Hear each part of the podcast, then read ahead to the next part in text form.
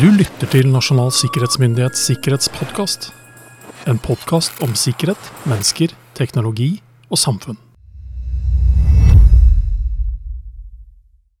Hei og velkommen til Nasjonal sikkerhetsmyndighets eminente sikkerhetspodkast. Mitt navn er Roar Thon, og jeg sitter her som vanlig, jeg, sammen med Jørgen Dyrhaug. Hei, Jørgen. Hei, Roar. Alt vel? Ja, det må jo være lov å kunne si det. Ja. Det, er, eh, det er mye jobb, det er farting, det er mennesker som skal prates med, og det er god stemning. Ja, så bra. Til tross for at du driver med det du gjør. Til, til, til tross for at jeg driver med det jeg gjør, ja. Ja. Vi trenger jo ikke å gjøre det så Selv om budskapet er alvorlig, så bør ikke akkurat fremføringsformen hva skal jeg si, følge etter. Det går jo an å gjøre dette på en litt lettere måte. Kanskje folk til og med humrer og ler litt oppi dette. Ja. Da tenker jeg at det, Det er heller ikke meningen å lage komishow ut av det. det er heller ikke meningen å lage komishow, men eh, nei da, sånn er det. Men- Men er det mye frykt der ute, Jørgen? Opplever du det? Jeg vet ikke om det er frykt jeg møter mest. I hvert fall ikke i de eh, settingene jeg møter. Det er mulig de har frykt for noe når jeg har gått, men det er vel mer den derre ignorance is bliss noen ganger. Altså, kanskje ikke du vet nok om dette til faktisk å frykte det. Jeg tror kanskje man burde ha vært litt mer fryktfull hvis jeg Ja. skulle få lov til å Velge? be, be om noe. Ja. Ja. Ok, men for meg så er det ordet frykt litt sånn Litt, sånn, litt for følelsesmessig lada. Altså, Frykt er for meg noe som er litt ulogisk til tider. Altså, Det er mye du kan bekymre deg for. og altså, øh, Skjønner du forskjellen? Altså, Ja, Og det er det jeg egentlig vil fram til. da, fordi um, Vi skal snakke litt om noen rapporter i dag, Jørgen, som vi har lest litt om. Og så skal Vi diskutere litt sikkerhet ut ifra det. Det Eh, og den første rapporten vi skal snakke litt om, handler jo Eller der brukes i hvert fall ordet frykt litt. Da. Ja. Eh, I hvert fall i medieomtalen av den. For det vi snakker om er en nylig rapport fra sikkerhetsselskapet Trend Micro. eh, som ble beskrevet som at der kommer det fram litt informasjon om hva virksomheter frykter mest når det gjelder cyberangrep. Og da tenker jeg sånn her, ok, frykt Altså, Det er litt sånn ukvalifisert synsing, tenker jeg da, hvis vi går rundt og frykter en masse ting. Istedenfor en litt mer sånn logisk eh, eh, og, og, og, og systematisk tilnærming til hva er det som kan treffe meg. Ja, men er- skal, skal vi bruke ordet forventer, da, eller er det bedre?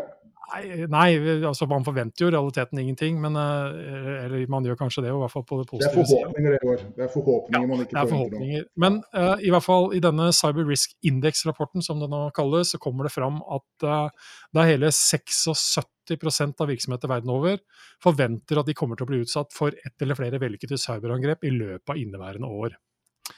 Og bare for å ta det, rapporten den baserer seg på svar fra 3441 IT-profesjonelle i en lang rekke bransjer. eh, Og 886 av dem befinner seg i Europa.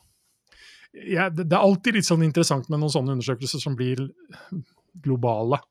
At det er noen kulturelle greier der osv. som i hvert fall jeg alltid lurer litt på. Men vi skal ikke ta den nå. Men, men sånn hovedtallet da, som blir brukt, som jeg sa eh, 76% av virksomheter forventer at de kommer til å bli eh, utsatt for et vellykket angrep. Jeg fant det nesten litt sånn gledelig. jeg. Altså, jeg, jeg, forstår meg rett, ikke at jeg ønsker at de skal bli utsatt for det, men da virker det som at de faktisk har forstått det terrenget de befinner seg i.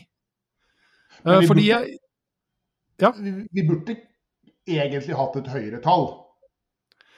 Jo, ja, altså, ja, det kan vi godt ønske oss, eh, men jeg syns allikevel det tallet var høyt. Fordi eh, jeg har Jeg får jo lov til å tenke litt og skrive litt og sånn, og jeg sa noe her nylig eh, som egentlig er til alle norske virksomheter, og det er som følger. For hver dag angriperne ikke lykkes med digitale angrep, så kommer dere nærmere den dagen da de lykkes.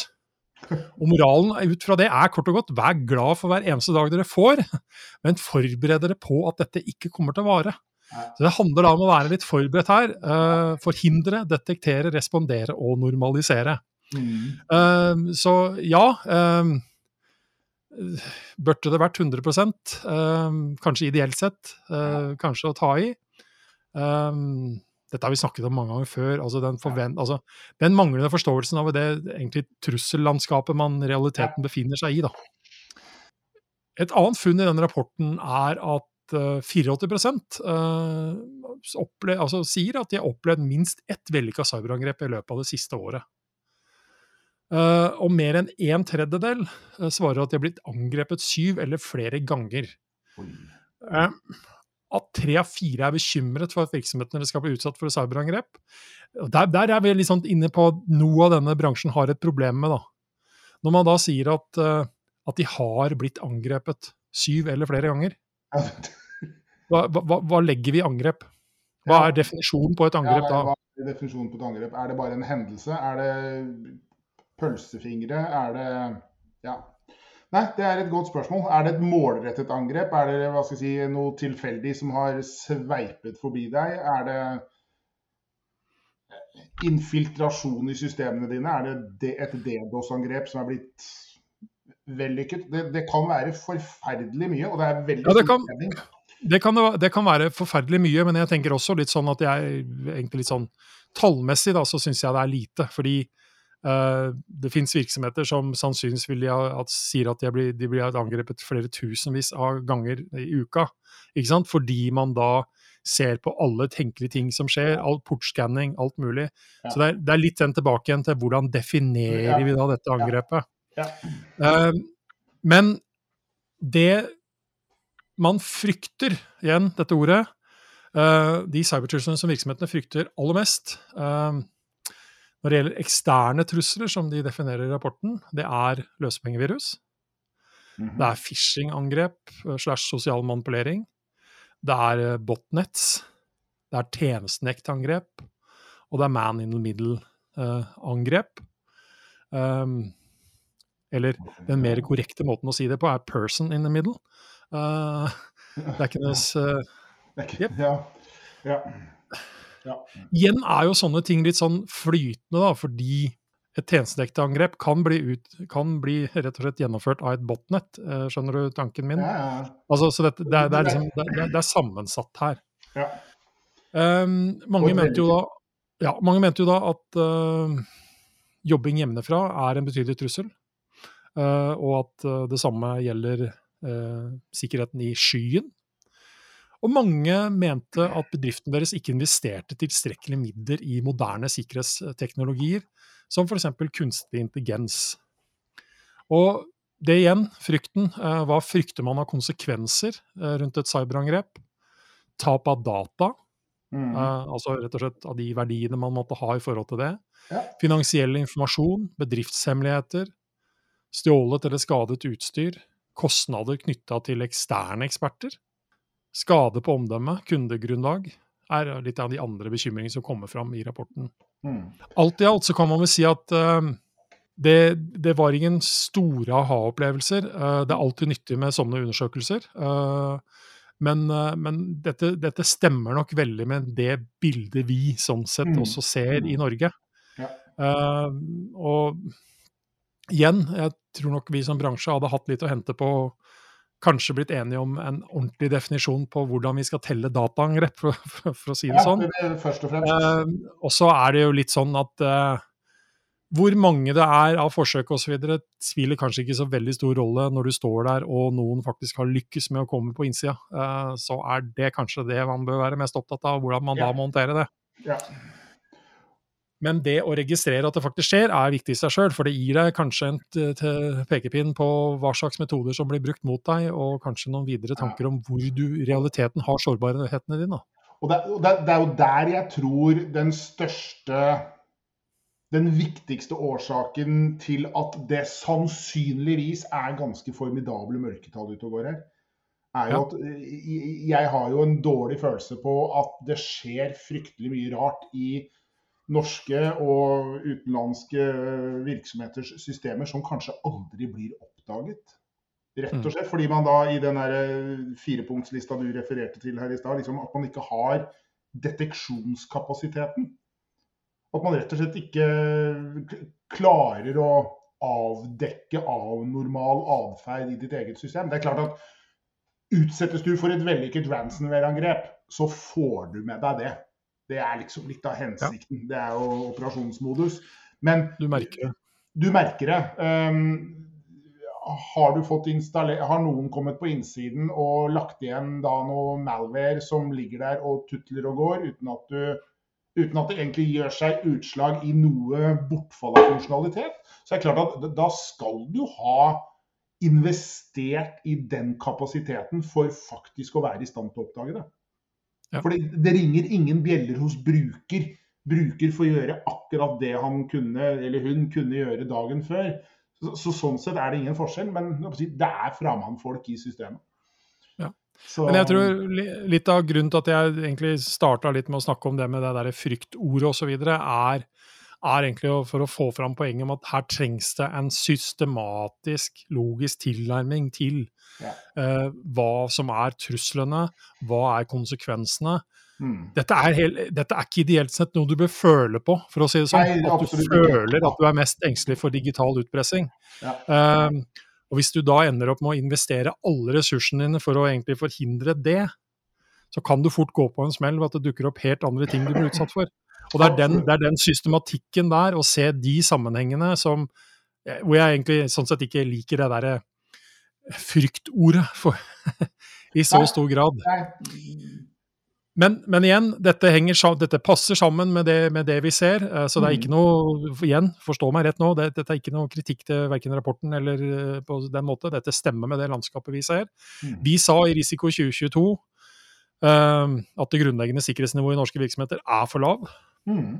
Vi sier at sikkerheten i IKT-systemer må styrkes. Alle virksomheter altså må korrigere tekniske sårbarheter. Mm. Og så er det det å si om denne rapporten, som jeg nå påpeker når jeg er ute og snakker. Denne rapporten er skrevet før Russland går til angrep på Ukraina. Ja, altså, definitivt. Definitivt. Det, verden har ikke blitt et uh, bedre sted, for å si det sånn, Nei, nei. i løpet av den tida. Nei. Men det har kommet en annen rapport, Jørgen. Um, ja. Økokrim ja. Eh, har eh, lagt frem sin trusselvurdering for 2022. Ja. Eh, der er det jo Den bør leses av norske virksomheter, for å si det sånn? Den bør leses av norske virksomheter. Eh, og de har jo et De har jo et, et annen, en annen inngangsverdi, i og med at de bedriver da både økonomisk kriminalitet og si, biologisk uh, miljøkriminalitet, så har de et ganske bredt spekter i hvordan de legger fram disse trusselvurderingene. Men det er jo innenfor, ikke, kanskje ikke overraskende innenfor det digitale domenet, vi er uh, mest interessert. Og det som jeg håper å si, et, et, gjensyn med en gammel kjenning eh, dukket opp i, i, eh, beskrivelsen her. og Det er dette med direktørsvindel. Som de da ja. eh, drar frem som en eh, Jeg håper å si no, noe man har skulle være, vært på vakt mot lenge. Men de understreker også egentlig at uh, den pandemien vi nå forhåpentligvis, da, fingers crossed, Eh, har lagt bak oss, eh, har vært en katalysator for nettopp dette. Um, og så nevner du en annen ganske vesentlig ting, og det er jo den teknologiske utviklingen som gjør at dette puslet kan komme i litt andre varianter, og gjøre det vanskeligere for oss å avdekke. Definitivt. Og det er klart at uh, dette med deep fake, det at man ja. da nå med lett med, med si, mer tilgjengelige virkemidler kan uh, manipulere både lyd og bilde på en slik måte at du kan få hvem som helst til å fremstå og si hva som helst, med da en både, både lyd og bilde blir jo si, stadig bedre. og det, Man blir rett og slett rundlurt. Jo, en, men, men, der, er, der er, ja, men der, der er en sånn liten sånn derre Stopp litt nå. fordi Uh, vi, vi, snakker veldig ofte om deepfake i den forstand at uh, vi kan lage en video som ser ut som det er deg. Fint. Det er en video av Jørgen som ser ut som noen andre, eller noen som har lagd en video av Jørgen som han aldri har vært med på sjøl, men det både ser og høres ut som Jørgen, som gjør en masse rart på en video. Vi, vi, må ikke glemme at det er sjelden eller aldri uh, ledere sender video av seg selv med ordre til ansatte om å gjøre utbetalinger av penger, for å si det sånn. Altså, Du skjønner hvor jeg vil hen. Fordi det der bekymringen ligger, er en teknologi som, som, som er i stand til å forfalske og samtidig brukes i en dialog med et annet menneske. Og det er deep. Mm. Altså, det er altså fake audio. Hvor jeg altså sånn sett kan spoofe telefonen får det til å se ut som det er rett som ringer. Og jeg kan faktisk gjennom datamanipulasjon manipulere min egen stemme til å få det til å høre ut som Jørgen. Og så har jeg faktisk en livesamtale med en annen person. Mm. Og da begynner vi å komme tett opp til den da virkeligheten. Ja. Så, Når jeg møter meg selv i døren. Ja. Så uh, enn så lenge så er i hvert fall ikke jeg sett de store eksemplene på at man er i stand til å lage troverdige, fullverdige audiovisuelle deepfakes som kan interagere med andre mennesker. Nei, det kan man uh, men, uh, men, kommer det? Det, er, det gjør det også. Det, det, er, det, er, et spørsmål om tid. men det som, er, det som, er, litt interessant når de tar opp det med direktørsvindel, da, det er jo noe som vi har snakket om igjen mange ganger i podkasten, og det er jo til syvende og sist at det er viktig å erkjenne at det er en del av de utfordringene man står overfor, som ikke nødvendigvis løses gjennom gode teknologiske mottiltak. Eh, da handler det til syvende og sist, når vi nå snakker om uh, deepfake audio, vi snakker om sant, den, den, teknologien, uh, vi snakker om at man blir bedre på å, å, lage historiene rundt. Da handler det om å ha ansatte som faktisk forstår at dette er mulig, at mm. dette kan skje. Og det handler ikke minst om å ha gode kontrollrutiner, mm. som kanskje sørger for at dette er ikke bare én person som må lures, her er det opptil flere som må lures, for å greie å gjennomføre f.eks. en utbetaling. Men da er det jo viktig, vil bare understreke det du liksom akkurat sier. og Da er liksom punkt nummer én erkjennelsen at, om at dette faktisk er noe man er nødt til å være i stand til å turnere. Eh, du må faktisk vite, du må ta inn over deg at dette er den nye realiteten. Ja. Altså, jeg ville nesten gått så langt og sagt at hvis jeg sånn umiddelbart skulle ha sittet i en virksomhet sjøl og gjort de ansatte oppmerksom på at dette er mulig, så ville jeg sett på finnes det noe der ute som gjør at jeg enkelt og greit kunne ha faka, faka en video av deg, mm. uh, og, og vist det fram, rett og slett.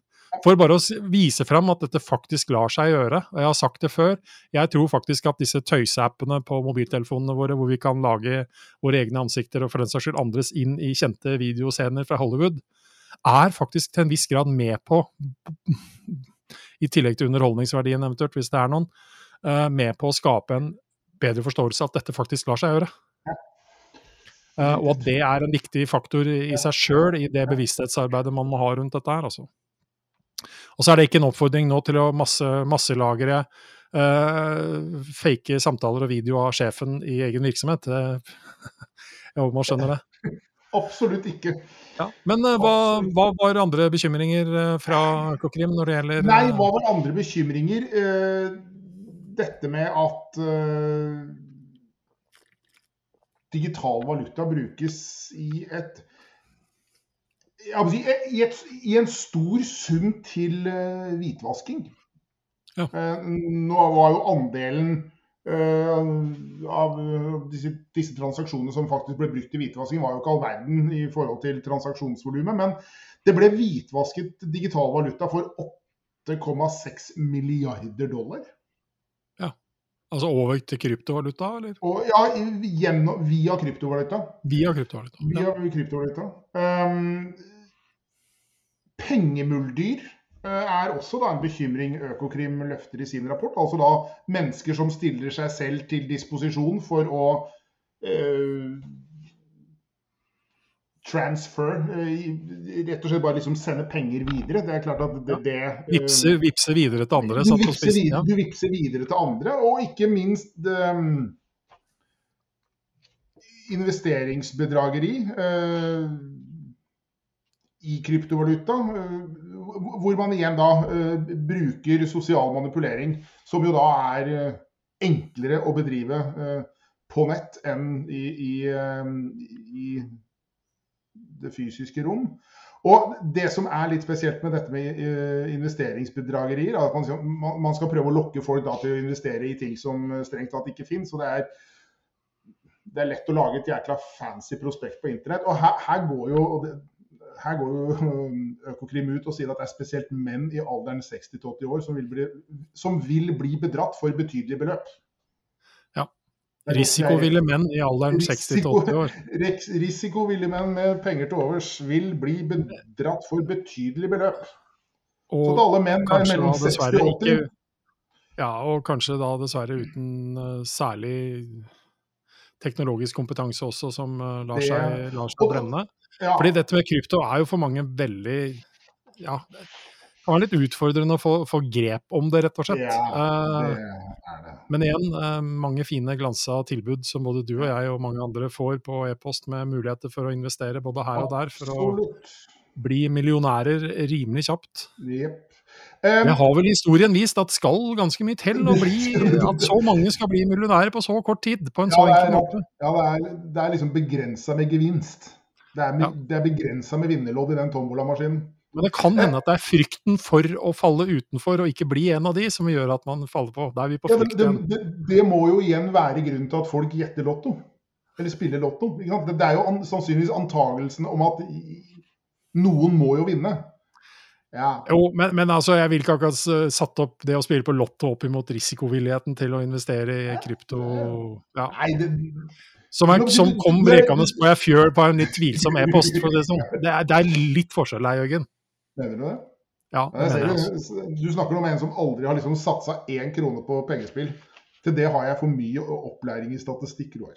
Men ja. jeg skal, jeg skal, jeg skal uh, rette opp da kjønnsbalansen uh, ved da å ta for meg det siste punktet i, um, i uh, risikorapporten til Økokrim. Og det er da med dette med bank-ID-bedrageri. Det som jo ofte blir omtalt som Olga-svindel. Um, ja. Om det er fordi det er en statistisk overvekt av kvinner som lar seg lure, det veit ikke jeg. Veit du det? Er det er det? det? det... Nei, altså ja, jeg tror vi skal være forsiktige med å konkludere noe med, med ja, det. Men, nei, men, det. men, det. retter seg jo uh, sånn i store grad, om vi skal snakke om kjønn eller ikke. Det retter seg jo også igjen mot særlig mot eldre, ja. som har kanskje liten digital kompetanse. Yes. Uh, så, da, så viser det seg at disse, dette er en gruppe som, som er svake for akkurat denne, mm. uh, denne type svindel. Mm. Og det, det, det, er kanskje åpenbart, men bank-ID-svindel er jo at noen ringer og utgir seg for å være banken din eller politiet eller et eller annet, uh, og hauser opp stemningen og får deg da til å uh, lese høyt eh, bank-ID-koden eh, hvis du har sånn kodebrikke eller på mobiltelefonen. Og man, blir da liksom prata trill rundt, og huet koker, og så er du litt brått kvitt. Eh, surt oppsparte midler eh, som da gjør tre byks og er fort ute av landet. Og det, er klart at eh, jeg leste jo nå, om, det er ikke lenge siden, om en uh, ung person. Vedkommende var, ja, var i slutten av 20-årene, som gikk på denne svindelen. Og da var det, det var vel i forbindelse med, med fremleggelsen av uh, skattemeldinga.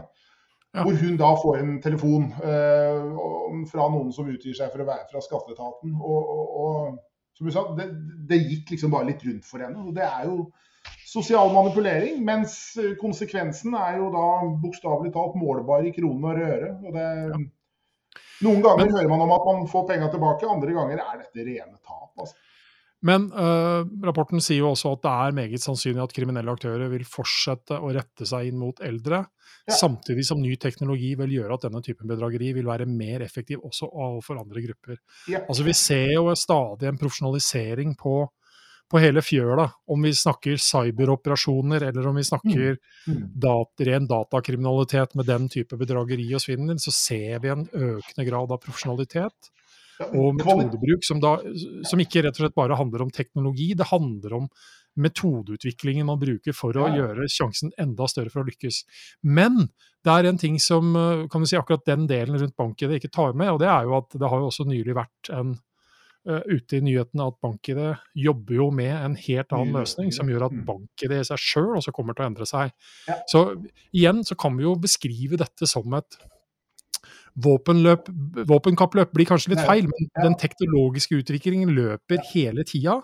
Eh, og man utvikler ny teknologi som kanskje blir sikrere på enkelte ting, men som igjen blir utfordra igjen av kreativiteten til de som hele tida forsøker å utnytte Det det. er en sånn, det er en sånn høk over høk eh, Så ja.